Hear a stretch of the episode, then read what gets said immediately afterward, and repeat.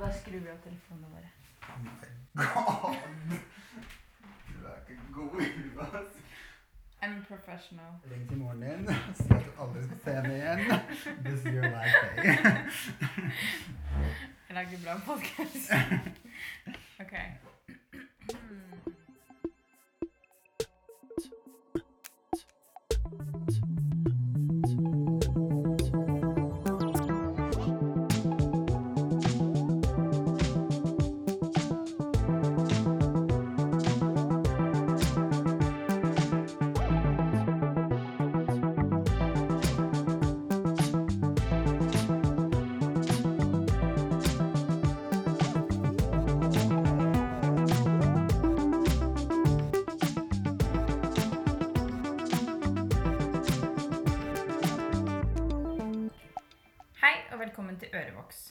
Podkasten der jeg, Theota Debrani, får lov til å prate og utforske og fordype meg i kreativitet. Med meg i denne episoden her har jeg Sadik Chaka. Sadik har lyst til å fortelle litt om deg selv. Hei, jeg heter Sadik og har vært med i Vox ganske lenge nå. Siden 2016. Um, dere hadde vel bare holdt på i Et par måneder, et par måneder. Ja. hadde, jeg kom i oktober, tror jeg. Dere begynte i august. Mm. Uh, Så du er en av de founding fathers. Ja. ja, og et av de for founding fathers, og ikke founding mothers. um, så ja, jeg har en eh, bachelor i um, utviklingsstudier og en master i samfunnsgeografi. Veldig lidenskapelig om spørsmål rundt identitet, kjønn og sånne ting. Mm. Mm. Og så var du da um, I utgangspunktet så var du da den originale eh, grafiske designer, eller grafisk ansvarlig. Og du har også stått for de fleste av eh, numrene våre. Eh, Mhm. Utforming og de tinga der. Mhm. Em, en stor grunn til at jeg ville snakke med til at vi på en måte har snakka rundt kreativitet veldig ofte, Mhm. eh, så er det det at du lagde en nettblekke Mhm. eh, i løpet av eh, pandemien. Mhm. Kudos. um, og det her er da Vox sin aller første nettblekke. Mhm. Um, var det erindring, endring? Ja. Stemmer. Eh, og jeg vil veldig gjerne vite hvor var ideen oppsto, og Mhm. kan du fortelle litt om den nettblekka? Um, det hele begynte vel eh, Jeg tror det var 12. mars. Um, hvor alt bare klikka i Norge. Um, det var vel 10. og 11. var liksom vanlige dager. Oi, shit. Korona er litt større enn det vi tror. Og så kom den torsdagen, fredagen, og alt bare stengte ned. Um, og et, det som var veldig viktig for meg da, var liksom at Eller det som overrasket meg i første runde, var jo vil, hvor stor effekt det hadde på meg. Jeg kom til Norge som seksåring fra krig, og det var liksom Du tror Jeg er på en måte i gåsehudet et av de heldige, fordi jeg har liksom ikke Livet mitt var liksom Jeg var en flyktning, men det var liksom ingen amerikansk actionfilm hvor det var liksom At jeg så folk dø og liksom alt det der. Men jeg veit ikke. Bare, jeg bare merket at sånn Oi, shit. Nå som hele samfunnet er i full beredskapsnivå, den beredskapsfølelsen resonnerte veldig med meg. Og jeg merket at det var en følelse jeg hadde hatt egentlig hele livet siden vi kom til Norge. At jeg har et behov for å være beredt, at jeg har et behov for å liksom alltid se meg rundt, alltid være klar. Og så var det så sykt rart at nå var plutselig hele Norge helt som meg. um, og en annen ting som var veldig interessant for meg, var jo at uh, det var veldig interessant for meg å se på en måte de ekte livene bak pandemien. da, Fordi det var en periode der hvor vi var helt obsessed med tall og med grafer og med numre, og i dag var det 100 nye, og i går var det 50 nye. Og det forstår jeg på en måte, for det er en veldig ekkel og en veldig skummel situasjon. Men jeg føler at vi liksom Vi ble ensomme Eller liksom tallene og grafene ble som en slags mur rundt hver og en av oss, og vi fikk liksom ikke se hverandre. Så det var veldig viktig for meg at Nesten sånn at man gikk inn i en sånn effektivitetsmodus? effektivitets... Ja, på en eh, måte. Men modus, på måte. absolutt. Og bare liksom Jeg veit ikke. Det var, det var nesten som om alle gikk i dvale. Men samtidig så skjedde det, i hvert fall med meg, så hadde jeg veldig mange følelser. Og det tror jeg også veldig mange andre har, og det leser man også i Blekka, at veldig mange andre hadde også sterke følelser. Men det var ikke noe man delte, for alle var liksom nettopp i beredskapsmodus. Alle bare holdt seg fast som om noe kunne skje i hvert øyeblikk. Um, så ja, det var veldig viktig for meg å på en måte få frem at Oi, her skjer det noe. Her er det noe jeg må fange. Og da særlig minoritetsperspektiver. Fordi jeg tenkte at uh, hvis jeg som har opplevd krig, kom så lett inn i dette her, så er det nok flere som også sliter. Uh, og for meg til slutt så ble det egentlig en måte å overleve på, egentlig. Eh, det var en, jeg begynte jo med Jeg fikk idé når det var verst, egentlig. Når alt var liksom Når alle var i karantene, holdt jeg på å si, Og når, når alt var stengt, og alt var stille, og alt var skummelt. Eh, og jeg merket at jeg hadde et behov for å på en måte Hva skal jeg si? Å skape, da. Det var det største behovet jeg hadde akkurat da. Sånn, jeg, må, jeg må overleve det her gjennom å skape. Og da var det ekstremt verdifullt å ikke bare ha med å skape og tegne og samle og sette sammen, men også lese andres historier. Jeg ba, jo, jeg ba om brev fra eh, bidragsyterne. Det som kanskje kjennetegner dette, denne nettblekka mest, er faktisk at vi har ikke åpna opp for bidrag, men jeg har heller gått rundt og spurt bidragsytere som jeg føler vi har hatt et, en god relasjon med. da. Um, så det som skjedde da, var bare at uh, jeg gikk rundt og spurte, og jeg tenkte sånn Hei, kunne du sendt Vox et brev hvor du bare forteller om hverdagen din siden pandemien? For jeg syns det er så sinnssykt viktig at uh, folk Egentlig, ja Det er veldig viktig at folk får se hvordan det er å være et annet menneske, men jeg tenkte egentlig at det som var mer viktig, var at man kunne se om to år, om tre år, om fire år hvordan det var å være et menneske innenfor denne perioden. da. Mm. For det var noe helt unikt som skjedde. Og det var selvfølgelig ikke unikt for meg, fordi jeg hadde opplevd emosjonelt og mentalt den beredskapsfasen da jeg var et barn under krigen. Men det var bare noe med at liksom hele Norge som et samfunn gikk gjennom noe lignende. Mm. Som jeg bare tenkte var ekstremt verdifullt. Og hva skal jeg si? Et vitnesbyrd, på en måte. En slags Jeg vet ikke. Vitnesbyrd. Minnestein. Bare noe som liksom kan stå igjen etter at hverdagen går tilbake til det normale. Mm. Selv om det ser ut som det kan ta litt lenger enn det vi Ja, har lyst til. for dette her eh, blir da tatt opp i august. Mm. Eh, Ja. Så det er eh, et par måneder siden. Ja. Men du, du virka liksom veldig eh, Vi snakka veldig tidlig, da virka det som om brev var det som på en måte tiltrakk deg mest. Mm. Hvorfor brev, eller brevformen, da? Mm. Du, jeg syns at det er noe veldig vakkert med brev, fordi øh, det er på en måte Det skriver jeg også om i lederteksten, om at det er noe med at det er et konkret bevis på kommunikasjon. Og det, det på en måte føler jeg at vi trengte. da. Igjen, Det føltes som alle hadde sitt eget tårn, og liksom til og med med folk jeg var i familie med, i samme hus, føltes det som om jeg var liksom i min egen lille boble. Mm. Uh, og det var noe med Jeg har på en måte hatt en del brevvenner gjennom årene, og det er liksom noe med den følelsen av å få et brev i postkassa som bare føles som om en liten liksom lyspunkt i en ellers grå kapitalistisk hverdag. At det, det er liksom noe I en hverdag hvor vi er så vant med liksom Messenger, med e-post, med alt det ene, det ene og det andre, så er det noe veldig unikt med noe som tar litt tid, da.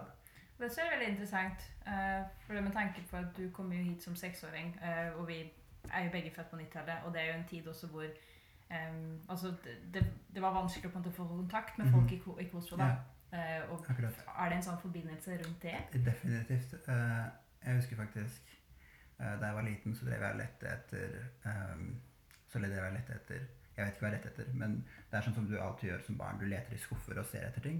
Og så føler du deg litt som en sånn arkeolog. Mm. Og så fant jeg et brev som pappa hadde skrevet for hånd til mamma mens han bodde i Norge Mm. og vi bodde i Kosovo. Um, og jeg bare syns det var liksom Jeg var kjempeliten. Jeg tror jeg var sånn ti år. Åtte. Men det bare satte en skikkelig støkk i meg. Og jeg husker ikke helt hva som sto i det brevet, men igjen da brevet som et sånn symbol på kommunikasjon. Symbol på at noen reach out og har lyst til å snakke med deg. Og bare Jeg leste også Det er noen år siden nå, da, men jeg leste også 'Halvbroren'. Jeg vet ikke om du har lest den, men tror jeg skummer gjennom. ja. Den er ganske tjukk. Men det er liksom Det er de scenene hvor bestemoren leser brevene hun fikk fra mannen sin, og liksom at hele familien kan samle seg rundt det brevet. At det blir en slags Noe som samler, da. Og det er akkurat det jeg følte at vi trengte. Vi trengte noe som kunne samle oss. Eh, og jeg føler at brev Det trenger ikke å være sånn, men veldig ofte så blir det nesten sånn iboende poetisk. For det, det er noe med jerntruen at det skjer noe når du får lov til å snakke uten å bli avbrutt. At du kan, liksom, du kan snakke på dine premisser, og så kan du fortelle en historie. Og så kan du bestemme deg hva du vil si, og så sier du det, og så er det over, liksom. Så er det ferdig. Så er Mm. tanken forsvunnet. Uh, og det tror jeg Jeg hadde et behov for å skrive brev. Jeg hadde et behov for å motta brev. Og da ble liksom bare brevet naturlig sjanger, Mm. egentlig. Det gir mening. Og så har du jo stått for både det grafiske og altså leder og satt det sammen. Du har egentlig gjort, du har gjort alt. Um, hvordan var det å liksom og, For det Vox er jo liksom Det består av veldig mange mennesker, og vi har nummer og sånn setter vi sammen på egen hånd. Yeah. Men det her er et av de få liksom sånn um, Jeg vet ikke hva jeg skal si det. Sånn enkeltmannsprosjektene, da. Yeah. Hvordan var det å liksom gjøre all jobben og Ja, det var egentlig, som sagt, det var liksom akkurat det jeg trengte. Det var veldig sånn befriende. Det er selvfølgelig veldig vakkert å lage numrene med hele redaksjonen, og at hvert nummer er virkelig noe redaksjonen kan si at dette er lagde vi sammen. Men samtidig, det var noe veldig på en måte Det var nesten legende for meg, da. Det var veldig eh, Noe som hjalp veldig, og liksom ga meg noe å sette meg i, og som på en måte ikke ga meg Jeg hadde plutselig ikke tid til å på en måte lese aviser eller til å tenke på tall eller tenke på grafer eller tenke på familien i Kosovo som liksom er eh, her og der og liksom spredt rundt. Jeg hadde på en måte Jeg kunne bruke 100 av tiden min på noe jeg får ekstremt mye ut av. Og det er liksom igjen det å skape, enten det er å skrive eller det er å tegne eller sette noe sammen. Det bare noe er å ta Bare tanken at liksom Nummeret fantes ikke, og så hadde jeg ideen, og så kunne jeg gi masse arbeid og masse jobb, og så finnes den, på en måte. Bare, det er litt banalt, men det er bare noe med at du tar noe som ikke var der, og så blir det til, på en måte. mm. Og det syns jeg var veldig Ja, det var, det var veldig fint å ha den muligheten. Det var veldig fint å nettopp kunne bli enda litt mer opptatt når karantenen var som verst, og når eh, pandemien var som verst. Og jobbe med det på en veldig sånn konstruktiv Ja, veldig. måte. Og på en måte På en måte en sånn sunn escape, da. Fordi Ja. jeg tror at alle hadde Alle hadde behov for å rømme fra den tida. Fordi Norge er et ganske lite land, og det skjer veldig lite her. Og når det først skjer noe, så blir det veldig stort.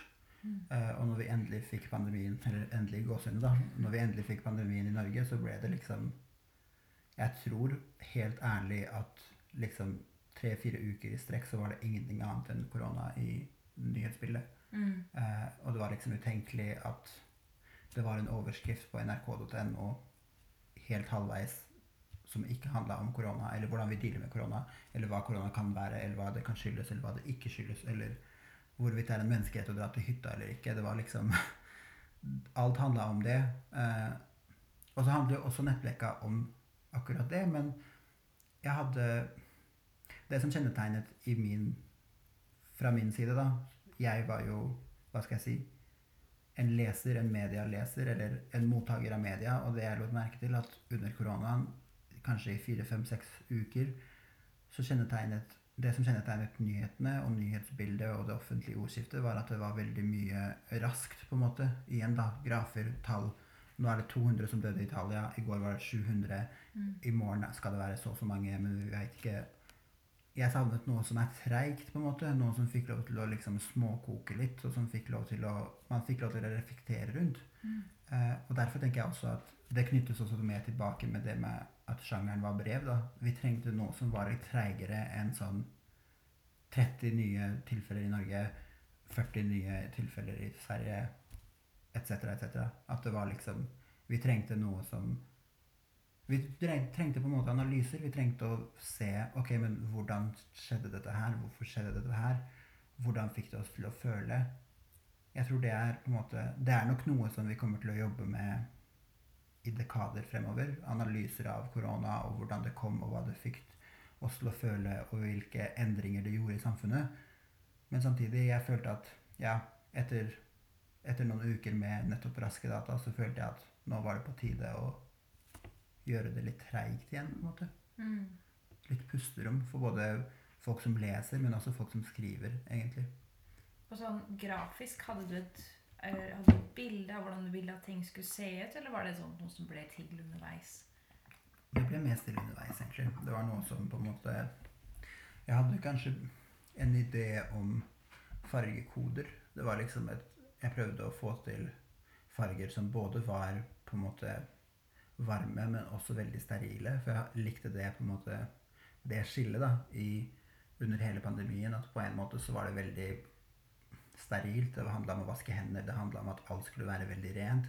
Men på en annen måte så merket man at som alle andre kriser at folk kom sammen og hjalp hverandre. Og den balansen da mellom det som er veldig kaldt og veldig i gåseøyne umenneskelig, og det veldig varme og menneskelige. Mm. Jeg var veldig interessert i akkurat det. Um, så det grafiske, ja, utover liksom den fargeprofilen, så tror jeg det grafiske bare skjedde veldig organisk, på en måte. At det var det jeg følte for den dagen. Det var det jeg hadde lyst til å utforske. Og Hvordan er det bidragene du fikk, hvordan var det, er det de har påvirka? Altså liksom utseende har har de gjort det? Ja, på en måte. Jeg har jo basert meg ofte på uh, Jeg har vært heldig og fått uh, grafiske bidrag også, bl.a. fra Lisana fra redaksjonen. Lisana Preteni. Uh, hennes bilder Det er en del av hennes bilder med. Men det har på en måte Igjen, da. Det handler også mange av tekstene, som f.eks. Uh, enten det er Neda sin, te Neda sin tekst eller Shabnam sin tekst, handler på en måte om den Ikke dikotomien, da, men at de to tingene kan sameksistere. At på en måte så uh, føler du så mye, men på en annen måte så må livet gå videre, da. Uh, og det er det jeg elsket med alle tekstene, at det var liksom Det var absolutt Det var nettopp det jeg hadde lyst til å vite. Det var akkurat det jeg fikk se. At liksom hvordan er det å være menneske? Jo, jeg føler så mye. Jeg føler at jeg burde vaske vinduene, men jeg får det ikke til. Og alt jeg vil gjøre, er å se på Friends. Og den, den følelsen er noe jeg definitivt kjente igjen. Og det var veldig godt å føle at det er noen andre som også opplevde det. da. Mm. Igjen at man ikke var så sinnssykt alene. Fordi det for at pandemien, uansett om man var alene i karantene eller med andre, så føler jeg at det hadde en slags isolerende effekt. Vi ble nesten isolert fra oss selv fordi det var så sykt sånn krise og beredskap, eh, følelse og mentalitet over det hele. Mm. Så ja, jeg syns den eh, interaksjonen var veldig interessant, og jeg har prøvd å bruke det i det grafiske også. Men hvis jeg er helt ærlig, så tror jeg egentlig at det grafiske Jeg har ikke er ikke, Jeg syns ikke det er der blekka skinner. Det er på en måte det grafiske har vært mer et middel for å få frem nettopp disse veldig gode tekstene. Mm. Uh, som f.eks. teksten til Isana, som du ser en slags progresjon. Hun har en, på en måte en dagbok over samtalene hennes med faren sin, og du ser at for hver dag så blir det liksom bare verre og verre og verre. Og, og jeg tror det er enormt verdifullt. Og ja uh, Akkurat det der med på en måte Det er måte en samling av virkeligheter, tror jeg. Og det er det jeg syns er det sterkeste. Og også ditt dikt som bare Jeg syns det var så sykt givende og så sykt vakkert å lese, for det handler om liksom Det diktet på en måte virkelig, virkelig krystalliserer og gjør det til én konkret ting i hele den opplevelsen, fordi det er liksom Du er så Hva skal jeg si? Du du virker I diktet så virker på en måte det lyriske jeg i det, som det heter, virker så på en måte Hva skal jeg si? decentered. At det er liksom litt all over the place. At sånn Oi, shit, jeg burde, jeg burde unngå å ta på folk. Jeg burde bytte side hvis de kom fra min side. Oi, shit, men hva med mamma? Bla, bla. Alle disse tankerekkene som kommer uten stopp. Og så får du en slags sånn sirkeleffekt. Fordi Mm. du slutter på en måte på et sted som du begynner. Og jeg bare Nei, det var for meg For meg var liksom Jeg syns det er veldig interessant, for det er liksom Det er et av de skjønner det. Ja, ok, det her var liksom Nei, det Basic, blew my mind. Å, det det var så sinnssykt verdifullt. For meg så var det bare sånn derre Ok, dette her føler jeg. Ferdig med det. Ja. Og så visste jeg ikke hvorfor jeg sendte det til deg, men hvorfor, eller hva som på en måte var greia. For jeg vet ikke om det var før det ble snakk om nettbrekk. Jeg tror ikke jeg, tror ikke jeg liksom mente at det her skal bli en del av nettbrekk. Jeg tror det var Nei, bare nei. sånn Jeg tror det Jeg som sa det ikke hva jeg ja. diktet, liksom. Ja, det var det som skjedde. Du bare Du Jeg hadde skrevet en del dikt, pretentious som jeg er. og, så, og så hadde jeg sendt den til deg og så sagt liksom sånn 'Hva syns du om disse?' Og så fikk jeg masse god feedback fra deg. Og så gikk det en uke, og så var det sånn 'Hei, jeg skriver på dette her.' Og da hadde egentlig koronaen akkurat, eller pandemien akkurat begynt å bli veldig stort. Um, og jeg hadde egentlig ikke bestemt meg for å lage blekka da du sendte meg diktet ditt. Uh, men da jeg bestemte meg, så var det veldig tydelig at det diktet hørte hjemme. Og det er så interessant, da, fordi det betyr liksom Det betydde veldig lite for deg da, men Det bare handler om at igjen, det har en sånn dokumenterende effekt. Du trenger ikke å ha opplevd pandemien for å lese det diktet og tenke sånn Oi, shit. Sånn var det å være et menneske da, liksom. Sånn var det å ha en mor. Sånn var det å ha en jobb. Sånn var det å ikke ha en jobb. Sånn var det Det er sånne tankerekker, liksom. Mm. Og det syns jeg, selv om selvfølgelig, selvfølgelig statistikk er veldig verdifullt og veldig viktig, men det er liksom det er når du går ned på tankerekker og når du går ned på følelser, at det virkelig blir verdifullt. Det blir på en måte som en sånn time capsule. At sånn, Mm. sånn var det å være et menneske i mars-april 2020, på en måte. Ikke sant. Og apropos det du sa om å la ting putre, Mm. eh, at, eh, at du liksom hadde behov for at ting skulle gå langsomt. Eh, da du laga her for et Mm. halvt år siden, Ja. det faktisk har blitt, Ja. så var det jo Jeg vet ikke, jeg tror, jeg tror vi alle hadde en tanke om at det her kommer til å være over by now. Og Ja. nå er vi på, kanskje på vei til en ny lockdown. Det er blitt såpass alvorlig. Eh, hvordan er det, er det så, jeg vet ikke, Har du lest eller sett litt noe på nettbrekka siden? Liksom nå? Ikke så mye. Eh, jeg tenkte jeg skulle få gjort det før eh, et av disse dagene, på en måte, for jeg tenkte litt på det, siden du nevnte at du hadde lyst til å eh, intervjue meg rundt den. Men det er noe jeg definitivt har lyst til å gjøre igjen, fordi jeg veit ikke. Men for å være helt ærlig så sitter det litt langt inne å gjøre det også, for jeg er litt redd for å komme tilbake til den mindseten. Yeah. Jeg tror du må få lov til å modne litt til, og yeah. liksom igjen da det med at vi er overfor kanskje en ny lockdown, gjør det litt sånn yeah. skummelt å tenke på. ja, definitivt. Eh, men igjen, da. ehm, Og så er det sånn spørsmål om kommer det til å føles sånn som det gjorde i, stad, Ja, eller kommer det til å være være nye følelser? Ikke sant? det er jo liksom, ja, det er det samme, men vi er jo en vi har gjort det før nå, liksom. to, liksom. Ja. ja, ikke sant. Nei. Men selv om jeg ikke har lest den, så er, sitter ting igjen. altså. Sånn, liksom, teksten til Shabnam om tid er bare sånn Å, fy søren, jeg, jeg har følt nøyaktig det samme, men jeg har ikke visst at jeg har følt det. Og så setter Mm. hun følelse, ord på en følelse jeg ikke visste jeg hadde. Og det er mektige greier, liksom. Det er noe jeg føler liksom litteratur kan gjøre veldig lett. Virkelig. Fordi Ja, kanskje liksom maleri og bilde også, men maleri og bilde kommuniserer ikke like klart. Litteratur er liksom rett på, Mm. og nei, er bare dikter ditt og teksten til Shabnam og teksten din Neda, og egentlig alle tekstene. Eh, Alex sin også. Det var virkelig Det er noe jeg kan si jeg har tatt med meg. Det har liksom blitt en del av min koronaerfaring, liksom. Det har blitt sånn? Ja. En del av virkeligheten jeg opplevde da. da. Mm. Og noe som virkelig lettet på det å være et menneske. Fordi igjen, det bare Det ble en slags et slags plaster på det såret av å føle seg et sånn Nå er det noe dritskummelt der ute, og vi er helt alene. Mm. For vi er jo ikke det. Um, så ja, det for meg var veldig interessant da, at man kunne få et sånn et virtuelt fellesskapsfølelse, for det hadde jeg savnet egentlig. Mm. Um, rundt da. Ikke sant? Og så nevnte du det med å jobbe med eh, Altså bearbeide noe gjennom Mhm. det å skape noe. Um, altså, er det din måte å cope på? Det er, det er et sånt spørsmål jeg er dritinteressert i. Jeg tror, selv om pandemien var skikkelig brutal, så åpnet det opp Eller det lærte meg nettopp det, da. At en måte å cope med ting er gjennom å skape. For meg så har på en måte Jeg hadde et litt problematisk forhold til den skapende delen av meg, fordi jeg tror at jeg bare internalisert den kapitalistiske verdensbildet såpass mye at liksom, i og med at jeg ikke får penger for det, i og med at det i gåsehudet bare er en hobby, så har jeg bare sett det som et tidsfordriv. Det er liksom noe jeg gjør hvis jeg ikke har noe å gjøre. Men uh, jeg tror at det er noe ved det. Jeg tror liksom at også når du ser tilbake på ting jeg har skrevet før, når du ser på ting jeg har tegna før, ting jeg har malt før, så ser du liksom et mønster. da. Du kan på en måte Mm. se Du kan se at det jeg gikk gjennom, er liksom fanget i enten den teksten, enten det maleriet, enten det bildet. At det nettopp blir en måte å dokumentere seg selv på, hvis det er på en måte Og det er derfor jeg elsker Vox, og det er derfor det passet helt perfekt med at det nettblekka er akkurat med og for Vox, fordi det er litt av oppdraget vårt, på en måte, å Mm. dokumentere oss selv. Ikke sant? At vi liksom vi finnes på våre egne premisser, og vi finnes. Liksom, vi finnes Vi finnes som vi selv vil, og det er noe med å liksom være med på å definere seg selv gjennom det du selv skaper, som jeg syns er helt Det er der magien skjer, liksom.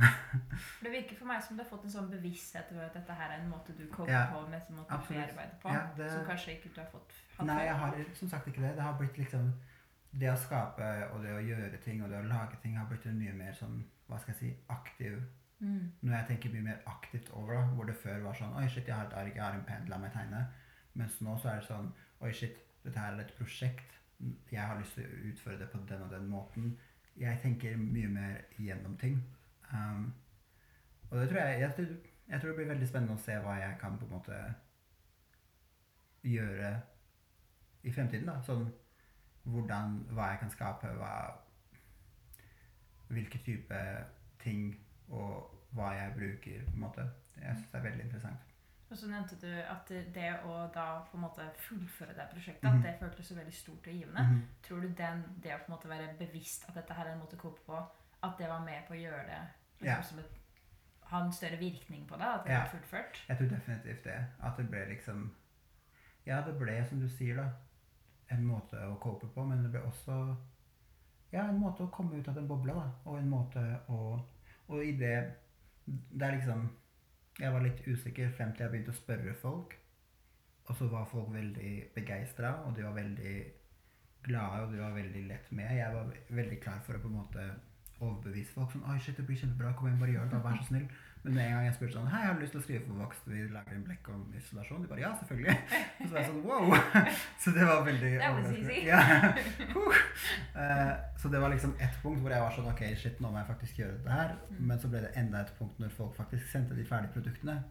Og da handla det på en måte ikke om meg lenger, hvis du skjønner. Sånn, Mm. Selv om det hadde handla om meg. Og det handla jo fortsatt om meg når jeg gjorde ferdig liksom, hva skal jeg si, oppsettet og det grafiske også, men det ble liksom det ble en self-fulfilling prophecy. At jeg ønsket meg et virtuelt fellesskap, og så ble det plutselig et virtuelt fellesskap. For det ble liksom Jeg skapte en relasjon med bidragsyterne når jeg spurte, og når jeg fikk det. For det var jo en veldig sår, ofte, og veldig personlig tekst. Mm. Og det er kanskje det jeg er mest takknemlig og begeistret over. Fordi jeg sa til folk at sånn Jeg vil ikke sette føringer i det hele tatt. Hvis du har lyst til å skrive Hvis du har lyst til å sende meg liksom eh, handlelista di fra siste gang du var på butikken før utbruddet, gjør det. Hvis du har lyst til å sende meg jeg vet ikke, symptomene på korona, hvis det er det du Jeg vet ikke, jeg hadde liksom ingen føringer. Jeg sa ja, jeg har, det hadde vært fint hvis du sendte meg noe personlig, sånn at jeg ser hvordan det har vært å være et menneske under pandemien. Men for all del, liksom. Ingen, ingen liksom premisser, ingen eh, forventninger. Og så fikk jeg akkurat det jeg ønsket meg. på en måte. Nettopp sånne tekster som virkelig ble med meg, og er med meg den dag i dag. Uh, og da ble det igjen Det var det, kanskje det som på en måte virkelig utgjorde den uh, profesien, da. Eller self-fulfilling prophecy om at uh, jeg spurte om et fellesskap, og så ba jeg dem det, og så fikk jeg det, og så bare Nei, det var virkelig Fordi på en måte så er selvfølgelig det skapende i seg selv for å være hva skal jeg si, helbredende. Det å skape i seg selv. Men så handler det også om produktet. ikke sant? Mm. At sånn Jeg veit ikke, kanskje det ikke hadde vært like givende hvis folk hadde sendt meg skannede regninger og kvitteringer, liksom. Kanskje det hadde det, men kanskje det ikke hadde vært det. Mm. Så det blir liksom dobbelt legende. Det blir dobbelt så vakkert når én du satte noe sammen uansett hva det er. Du skapte noe i en vanskelig periode, men så ble det akkurat dette. Så det syns jeg er veldig interessant med det å skape. Og det føler jeg at kanskje vi glemmer når vi snakker om kreativitet. At liksom, ja, det er en prosess å være kreativ, men du får faktisk et produkt, for å bruke et veldig kjipt ord på det. Så du Mm. får liksom noe helt konkret. Og det syns jeg er veldig fint. Mm. Mm. Og så nevnte du Du sa det at, det, at du var liksom litt sånn flau Eller du hadde litt Det var litt skummelt da, å Ja. spørre folk Mm. og sånn. Eh, og det blir en sånn veldig rar, et veldig rart hopp til mitt neste spørsmål, som er altså ordet kreativ, og det å kunne Mhm. kalle seg selv for en kreativ person og liksom Mhm. si at man er en kunstner, eller at man lager kunst, hvor vanskelig det er. Mhm. Um, og så lurer på hvilket forhold har du til det ordet? Til å liksom si at du lager kunst, at du Ja. lager eller gjør ting? Jeg vet ikke, det er veldig vanskelig Det har vært veldig vanskelig, i hvert fall til nå. Um, kanskje det er noe som endrer seg etter hvert, men sånn kreativ har vært litt sånn Jeg veit ikke, jeg syns det er litt rart ord. Mm. Jeg får litt sånn 50 pluss eh, kunst- og håndverklærer på ungdomsskolen, liksom. Ja. Med sånn stort kjede ja, med sånn grønne perler. Eh, og hun er kreativ. Det er Rande, liksom. um, ja, for meg så er det liksom Ja. Men jeg forstår jo hva du mener. Mm. Um, men jeg har veldig lenge Hva skal jeg si? Jeg har alltid vært ekstremt redd for sånne merkelapper. som Mm. jeg har skrevet Jeg sendte deg liksom en halvferdig diktsamling, men jeg kunne aldri i livet funnet på å kalle meg selv en dikter. Mm. Jeg har liksom malt ganske mye de siste seks-syv årene, men jeg kunne aldri kalt meg selv en maler eller liksom en kunstner. Mm. Og jeg har liksom satt inn tre-fire numre for voks, men jeg vil aldri kalt meg grafisk designer. Jeg vet ikke hva det er med det, hvorfor jeg liksom er så redd de merkelappene. Men jeg tror det er noe med at liksom i alle mine interesser så har jeg ingen formell kompetanse, på en måte. Nei. Jeg har ikke gått Kunsthøgskolen, jeg har ikke gått fotoskole, whatever. Jeg har ikke gått på skriveskole. Jeg er både selvlært og på en måte, hva skal jeg si, og helt fra personlig interesse alt det kreative jeg driver med er. Og derfor så har jeg kanskje også holdt meg unna de merkelappene, men det har jo Det er noe jeg har lyst til å jobbe med, fordi jeg tror ikke du kan lage god kunst hvis ikke du tar det alvorlig, på en måte. Og Mm. selvfølgelig, du må ikke ta det for alvorlig. Du kan ikke la det kneble deg og liksom lamme deg. Men uh, ja, jeg vet ikke. Jeg syns det er veldig synd å tenke på, fordi det er veldig mange på en måte, både tegninger, malerier og tekster jeg har skrevet, som jeg bare har ødelagt, fordi jeg bare antar at det er skikkelig dårlig. Mm. Og jeg hadde gitt veldig mye nå for å kunne se liksom en tekst fra da jeg var 15, for. Ikke sant? En tegning fra da jeg var 16. Mm. Men det er liksom ting som jeg bare kastet. Og jeg lurer på hva det var som liksom Det syns jeg er veldig interessant å tenke på. Hva er det som gjorde at jeg tenkte at dette her var ikke verdifullt?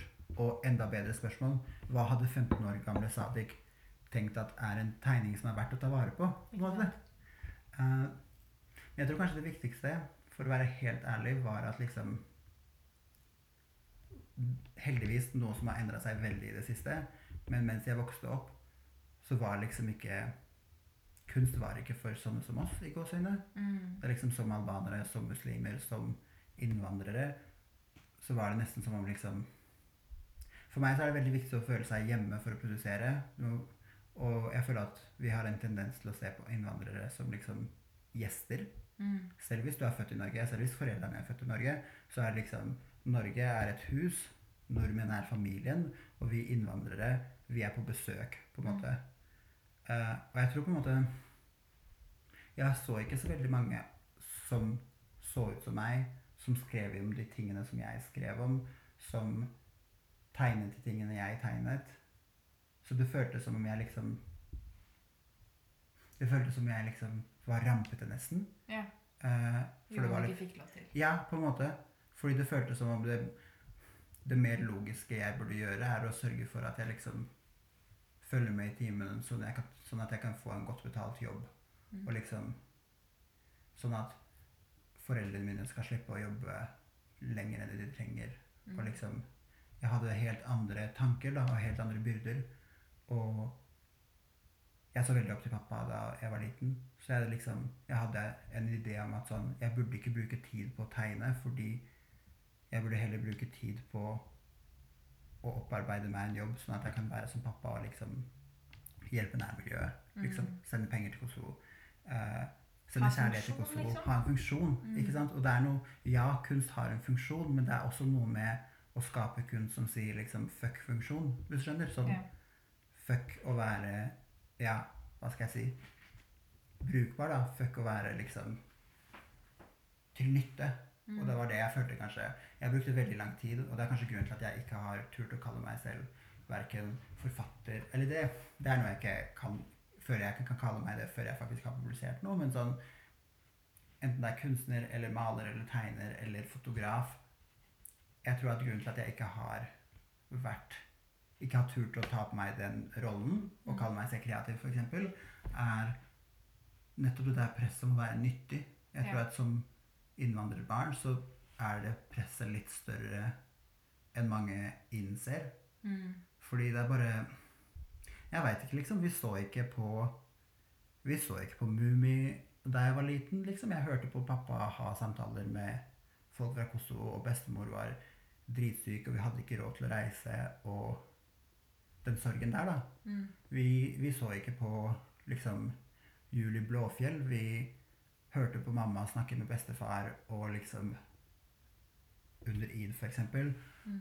og virkelig lengte etter å være med dem. Det var liksom den virkeligheten vi hadde Jeg veit ikke. Det var liksom Det var vanskelig å tenke utenfor Selv om foreldrene mine var fantastiske på alle måter, så var det veldig vanskelig å tenke utenfor nytte og hjelp og liksom dekke de grunnleggende behovene.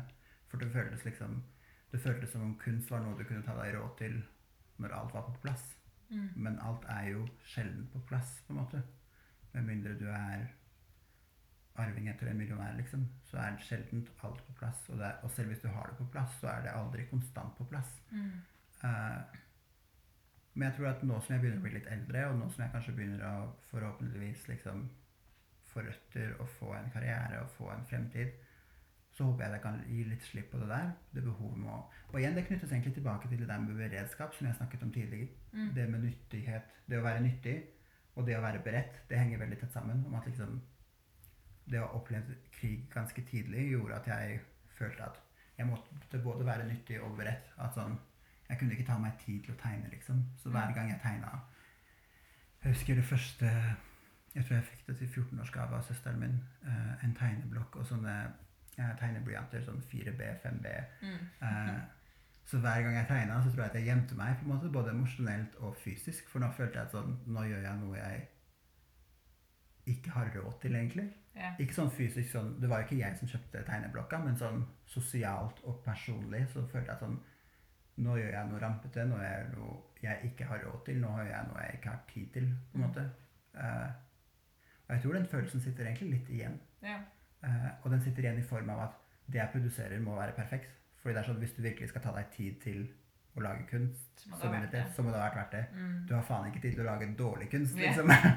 Eh, så ja, jeg vet ikke. Jeg tror det er liksom Jeg tror ikke folk skjønner hvor befriende det må være å ikke tenke på det der, liksom. Å Mm. snakke Og ikke tenke på husleie, så Ja. du kan gå på en skriveskole. Selvfølgelig. på- Og ikke bare det. Og det verste er jo at jeg tenker jo på masse ting selv når jeg har råd til husleie, ikke sant? Fordi du har Jeg veit ikke. Det er bare måten i albansk kultur, da, måten man blir gammel på, f.eks. Mm. Så jeg husker i sommer så var vi i Åndalsnes når ting letta litt. eh, Det var vel mot slutten av juli, tror jeg. Mm. Og det var liksom Det var folk opptil 80 år gamle som gikk opp rampestreken, og det var liksom Det var så vidt du fikk lov til å kalle det en bakke, for det var som å være en geit, liksom. Du måtte klatre opp. Det var kjempebratt. Og det var liksom folk i 80-årsalderen. Og bare liksom tanken på at en 80 år gammel albansk Man blir liksom gammel så brutalt i Kosovo, for liksom hele livet slår deg på en gang, hvis du skjønner. Uh, så liksom når jeg tenker på bestemødrene mine, de har egentlig levd, levd sånn 200 liv, for det er liksom de tingene de har opplevd. Og derfor så må du liksom Du må tenke mye lenger enn liksom Ok, hva har jeg lyst til å gjøre? Hva har jeg lyst til å skape? Og selv når du har de materielle godene på plass, så blir det liksom Så føler man nesten skyld for at man kan ta seg tid til det. Mm. Så det er liksom Det er et spill som er vanskelig å vinne. Yeah. Men jeg tror det er noe En ting som definitivt hjelper, er jo å ha et fellesskap rundt det. At sånn Nå er vi flere som er egoistiske sammen, liksom. Uh, Men til det jeg lurer på, sånn kreativitet Du har jo, du sier at det, selv om du på en måte følte skam, og sånn, så var det som om at det var en del av deg som fortsatt yeah. gjorde det. Du, yeah. det. Det søkte deg fortsatt. Yeah. Har du um, har, det, har det vært noen eksempler på kreativitet i familien som har vært sånn som du kjenner igjen? Oh, absolutt. Absolutt. Eh, for meg så har det liksom Kreativitet og lidenskap, lidenskap er liksom to veldig tette ting. Så for Mm. eksempel for meg så er matlaging også kreativitet, for det handler om å liksom gjøre det med den samme lidenskapen Mm. og den samme kjærligheten. Og liksom Ja, det er kanskje litt av grunnen til at jeg søkte den likevel, da. Fordi mamma da vi var små, pleide liksom å synge f.eks. hvis hun laget mat. Og så fortalte hun også at eh, det var en periode hvor hun hadde veldig lyst til å bli sanger. ikke så? Mm. Uh, og jeg hørte liksom den drømmen Det er noe jeg kan høre drøm, Rester av den drømmen er noe jeg kan høre den dag i dag når hun synger. på en måte. Men så kom livet og sånn det syns jeg da til tider nesten føltes som en sånn forbannelse, egentlig. Fordi familien min er full av folk som egentlig ville bli noe annet. Hvis du Mm. skjønner. Men så kommer livet, og så kommer 90-tallet. Og 90-tallet i Kosovo, for de som ikke vet det, eh, det var brutale greier, liksom. Det var tiden da albanske eh, studenter ble kastet av universiteter og skoler. Eh, albanske pasienter ble kastet ut av sykehusene. Alt, det var liksom, det var en brutal tid. Du kunne ikke synge, eller du kunne synge, men du kunne ikke lage deg karriere, liksom. Nei. Det var ikke tid for karriere, du måtte overleve. Mm. Ikke sant? Uh, og jeg føler på en måte at jeg, så, jeg har vært Jeg tror litt av grunnen til at jeg også var redd for det kreative, var at jeg var redd at den samme skjebnen ventet meg. Yeah. Men jeg trenger ikke å overleve i Norge, på en måte. Eller sånn jeg, Det er jo noe jeg føler at jeg må, men sånn Det er ikke det samme presset som mine foreldre og si besteforeldre også opplevde. da. Mm. Så jeg tror egentlig at sånn Det føltes som om jeg fulgte noen fotspor, på en måte. Jeg har hatt onkler som liksom har skrevet dikt og har ønsket å bli diktere. Onkler som har vært flinke, har tatt del i teater og har, lyst, har hatt lyst til å bli skuespillere. Mm. Og det er liksom Så kult. Ja, men det er De kom aldri langt nok til at de faktisk kunne kalle seg i gåsehudene ekte skuespillere. Mm. Eh, fordi livet kom i veien. Um, men ja. Så er det kanskje en skam også å på en måte være den faktiske i familien som kan det. Ja, ikke sant? Har, Og og så er det liksom Det føles som et litt større press, for jeg føler liksom at hvis jeg skulle slå igjennom med noe kreativt, så gjør jeg det for alle, yeah. på en måte. At sånn I den gjennomgangen, eller i det Hvis jeg skulle gi ut en bok, eller jeg veit ikke, gjøre noe annet kreativt, så føler jeg liksom at det er så mange brutte drømmer som gjennom min går i oppfyllelse. Og det er kanskje ikke sunt å tenke sånn, men det er vanskelig å la være, på en Ja. måte. Fordi igjen Det er masse folk som er veldig flinke, men som av diverse årsaker ikke fikk tid, lov, plass til å interagere med den delen. Så det blir en slags survivor's guilt, nesten. Mm. Eh, overlevelsesskyld, når du faktisk tar deg tid til det. Mm. Eh, og det er sånne ting som man ikke tenker over. Det er, disse tankene er noe jeg aldri kunne tenkt over bare fem-seks år siden. Nei. Jeg tror det er noe du ser når du liksom klatrer opp i en sånn mentalt ved et mentalt fjell, og så kan du bare se tilbake på livet ditt, og så er det sånn Oi, shit, det var egentlig det som skjedde. Mm. Så jeg tror, eh, ja, jeg tror det har vært en del kreative i familien, men det som kanskje kjennetegner dem, er at enten så har det kreative vært dagligdags, som f.eks. at mamma kan synge når hun lager mat, eller eh, f.eks. at tante kan eh, strikke veldig fine sokker til bestemor, som er helt sykt fine, og som du kan se at her er et skapende vesen, liksom. Mm. Eh, ja, så jeg tror liksom det er det som kanskje har inspirert meg, at jeg har sett sånne små bruddstykker av kreativitet, og at jeg har plutselig vært den første som faktisk kan hoppe forsiktig uti, og det er kanskje det jeg har prøvd med voks, og det er det jeg har prøvd med begynt å male, men jeg, jeg er fortsatt veldig privat på de stedene, liksom. Jeg kunne aldri tenkt meg å stille ut malerier, eller stille ut bilder, fordi det bare, igjen, det føles litt rart. det føles både privat Men sånn som du sa i stad, så, så er du veldig spent på å se hva som blir Ja, det er akkurat det. Ja. Vi får se. Kanskje ja, om fem år så har jeg gjort alt sammen. ja. Mm. Mm. Men ja, det virker som om du liksom begynner å ehm, innse det at kreativitet ikke er én ting eller ikke liksom, Ikke det, det er ikke svart-hvitt. da, Det Nei. jo At det er mer, da. mm, Og for meg så er det igjen, da det sk Å skape med en baktanke, der føler jeg liksom går grensa til kreativitet. Sånn at du skaper noe, men det er liksom mer enn sånn Jeg lager meg en kopp kaffe, men at du liksom Baba, så sier vi marak. At du liksom har en sånn lidenskap mm, uh, til håndverket. Yeah. Og det føler jeg liksom Ja. Det er eh, liksom nøkkelen til Og så syns jeg det er ekstremt viktig å på en måte nettopp redefinere kreativitet som noe annet enn Randi 57 med de grønne, de grønne perlene. Ja. Men det, det har vært uh, veldig gøy å snakke med deg, Sadik. Uh, vi har jo snakka veldig mye om kreativitet Mhm. ellers. Mhm. Men det føles som vi på en måte fikk, fikk snakka skikkelig ut om det. Uh, er det noe du har lyst til å si eller eh, legge til? Og I denne Mhm. ti- Er det noe du kjenner igjen, det jeg har snakket om? Så liksom det, Veldig mye. Ja. Veldig mye. Jeg har, eh, jeg har tenkt litt sånn på å spørre foreldrene mine om jeg var kreativ. Ja. Fordi jeg har et sånt veldig vanskelig forhold til kreativitet. Mhm. Nettopp fordi uh, Nei, jeg har ikke likt det jeg laga, så jeg føler nesten at jeg må ha, må ha tvunget, tvunget meg selv til å være Ja, kreativ. ja. Eh, for det har ikke vært noe som på en måte har vært naturlig for meg. Mhm. Men det er jo litt fordi jeg er ekstremt utålmodig av meg. Ja, Så er det. den utålmodigheten Ja. jeg, jeg, For meg så er kreativ å være tålmodig og liksom Mhm. vie detaljer til ting, og det er eh, Ja. Jeg liker å gå fortere. Så definitivt veldig mye. Um, og det er også derfor jeg på en måte vil lage denne eh, podkast-serien. Mhm. Bare å på en måte ta ordet kreativitet og gjøre det til det eget. Så som du sier, det kan være kreativt. Kreativitet er jo liksom har en kaffe på og lager Mhm. mat på.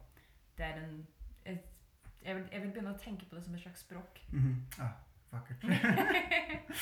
ja, jo takk. It just fell out of me.